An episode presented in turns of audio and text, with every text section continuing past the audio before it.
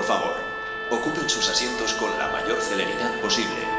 La obra dará comienzo en breves momentos. Tosca es, sin lugar a dudas, una de las obras más queridas por los amantes de la ópera. Esto puede resultar un poco extraño si tenemos en cuenta que la historia que se narra es bastante cruda y que entremezcla muchos temas. Pero antes de avanzar, conviene hacer la presentación de los tres personajes principales de la obra y de su tormentosa y enredada relación. Tres artistas, cada cual a su manera. Por una parte, tenemos a Floria Tosca, que es una artista, cantante y actriz que se gana la vida delante del público. Es además una mujer enamorada de Mario, una mujer creyente y que jamás se ha planteado cambiar nada en el mundo que le rodea. Su vida es su arte, su amor y cumplir con los preceptos de Dios, al que teme.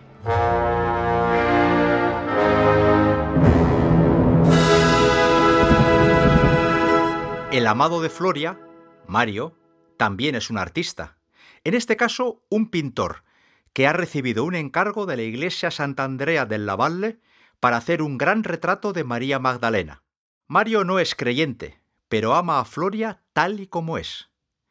Quizás le gustaría pintar otra cosa, pero ahora tiene un encargo y se dedica a ello con denuedo.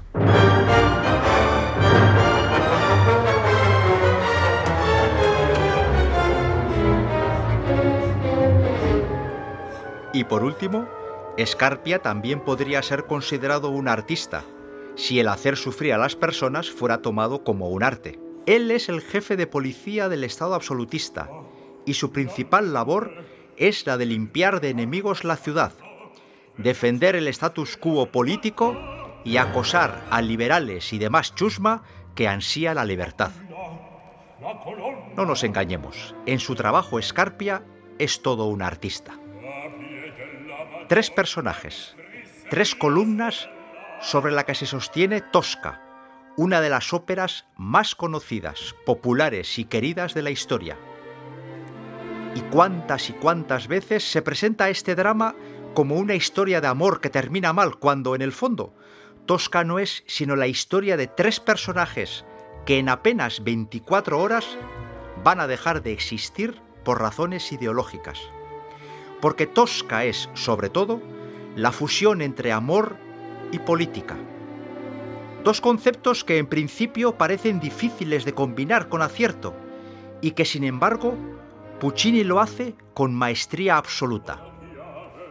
Vamos a ver cómo lo consigue.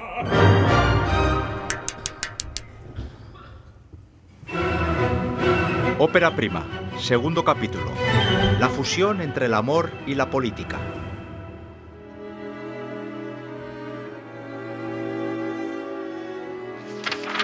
Giacomo Puccini fue un compositor italiano de ópera considerado entre los más grandes de fines del siglo XIX y principios del XX.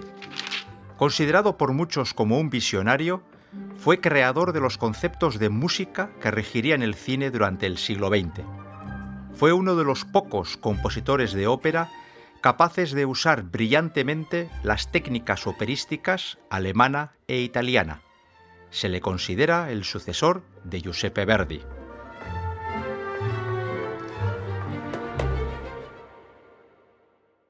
El enredo comienza por los celos de Floria, celos que pondrán a Mario en un gran compromiso y por el que será detenido cuando se sospeche que es colaborador de un preso político que se ha escapado de las mazmorras del castillo Sant'Angelo. Y es que cuando Angelotti, el preso huido, le pide ayuda, Mario no lo dudará. Por encima de otras consideraciones está su forma de entender la vida, y Angelotti representa la libertad, así que se pondrá a su disposición y le ayudará en su precipitada fuga. Floria, por su parte, malinterpretará el raro comportamiento de Mario y sospechará de un flirteo amoroso clandestino. Cegada por los celos, acabará delatando a su amante ante un escarpia que, como perro de presa, busca al fugado.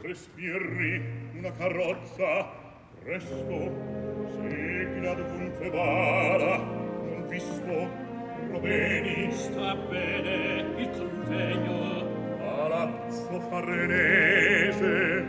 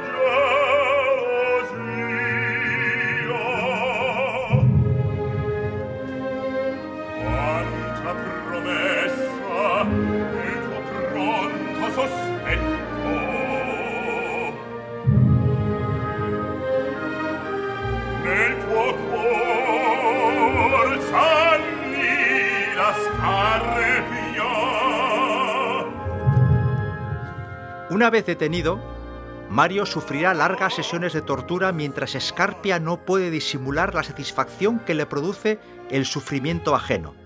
Impasible, culpará a Floria del sufrimiento de Mario, porque, tal y como le hace saber, bastaría una sola palabra, una pequeña información, para que de forma inmediata cesara el dolor.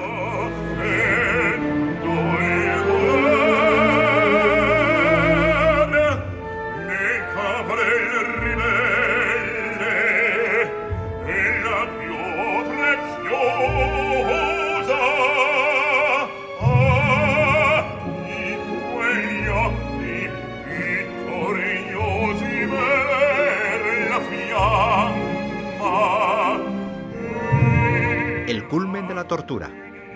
La víctima, victimizada. Y Floria, otra vez débil, acabará delatando el único lugar donde cree que Angelotti puede estar escondido. Mario es sacado de la celda, roto, destrozado, sin fuerzas, cuando los sicarios de Espoleta avisan que en la batalla de Marengo los liberales han derrotado a los absolutistas. Mario, aunque destrozado, es el vencedor.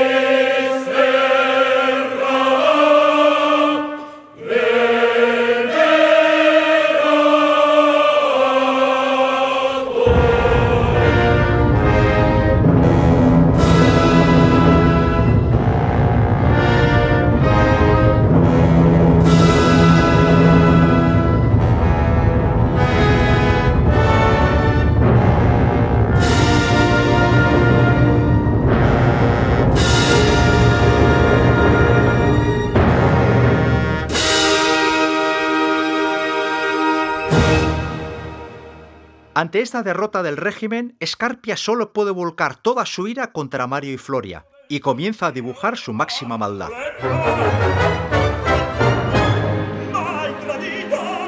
Hará creer a Floria que perdonará la vida de Mario si ella se le entrega. Floria le hará creer que accede a su capricho, pero, sorpresivamente, será ella quien clave en el corazón gélido de Scarpia un abrecartas que antes había escondido entre sus telas. Escarpia, el gran terror de Roma, ha sido muerto por las manos de una mujer aparentemente débil.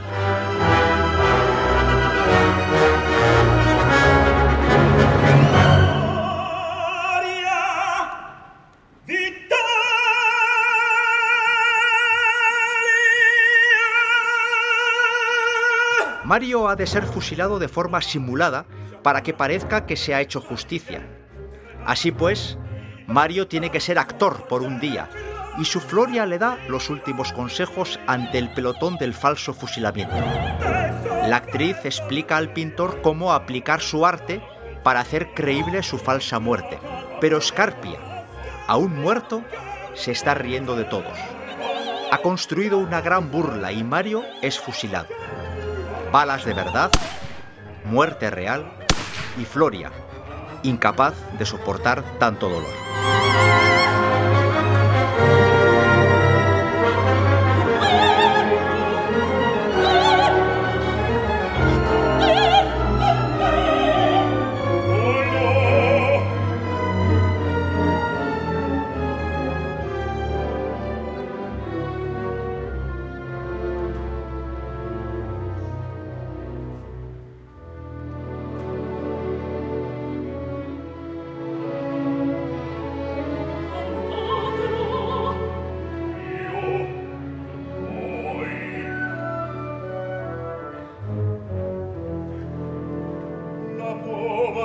cena fu interrotta. Così attassata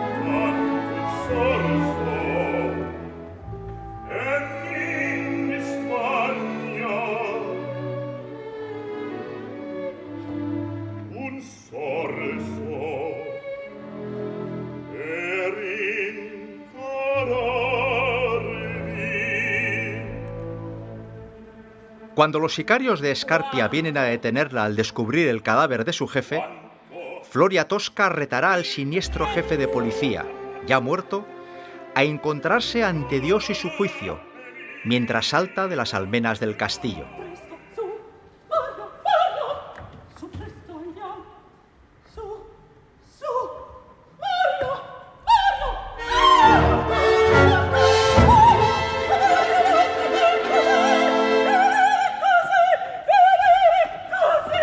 Pasado 24 horas y tres vidas han quedado destrozadas.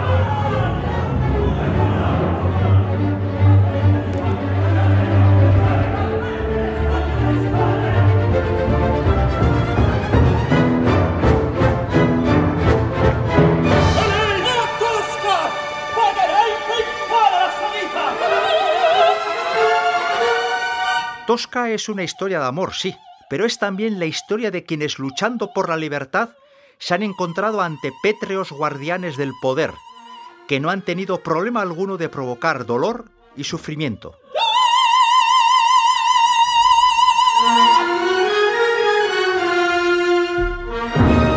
Tosca, una ópera que aúna política y amor.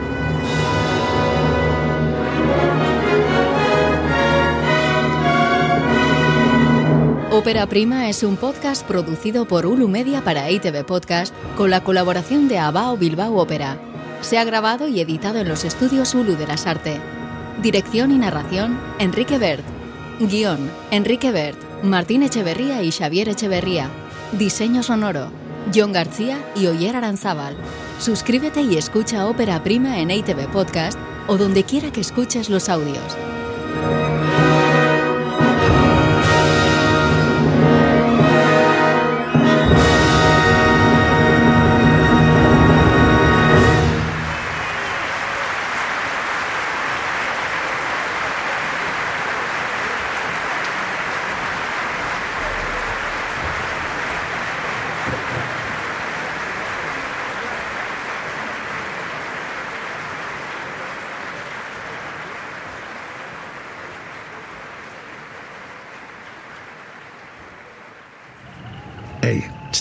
Entzun hori.